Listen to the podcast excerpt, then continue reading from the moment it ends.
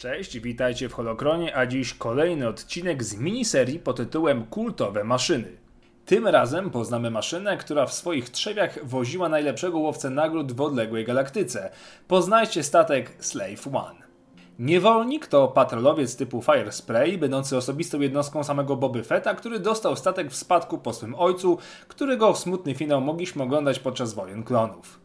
Sam statek został zresztą przez ojczulka wykradziony z zakładów Kauta i totalnie przerobiony tak, by ze zwykłego patrolowca stać się specjalistyczną jednostką. Początkowo był unikalną maszyną działającą w więziennej asteroidzie OWO-4.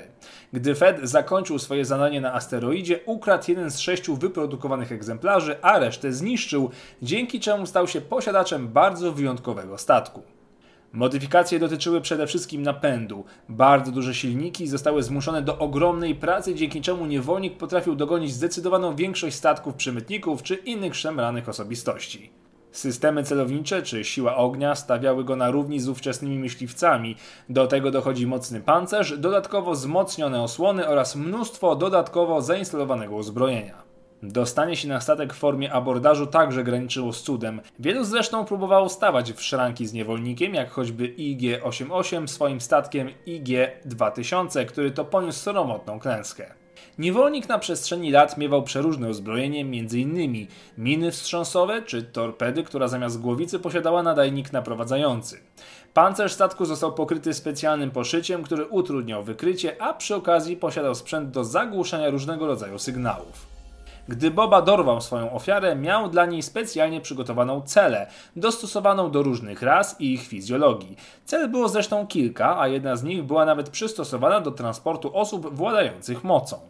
Gdy Fed wpadł do jamy Sarlaka, statek został skonfiskowany przez rebeliantów i nieotwarty. Został umieszczony na Grakuin. Mimo, że Lando miał pomysł, by wynajmować statek na imprezy okolicznościowe, maszyna przeleżała w hangarze kilka dobrych lat. Gdy nasz łowca nagród wrócił do gry, używał przez pewien czas swojego zastępczego statku, Niewolnika 2, o którym też będzie odcinek. Dzięki podstawionym osobom wykupił swój stary statek i używał go w wielu innych potyczkach aż do 40 roku po bitwie o Jawin. Niewolnik osiągał prędkość 7 standardowych jednostek prędkości, a w atmosferze poruszał się z maksymalną prędkością 1000 km na godzinę.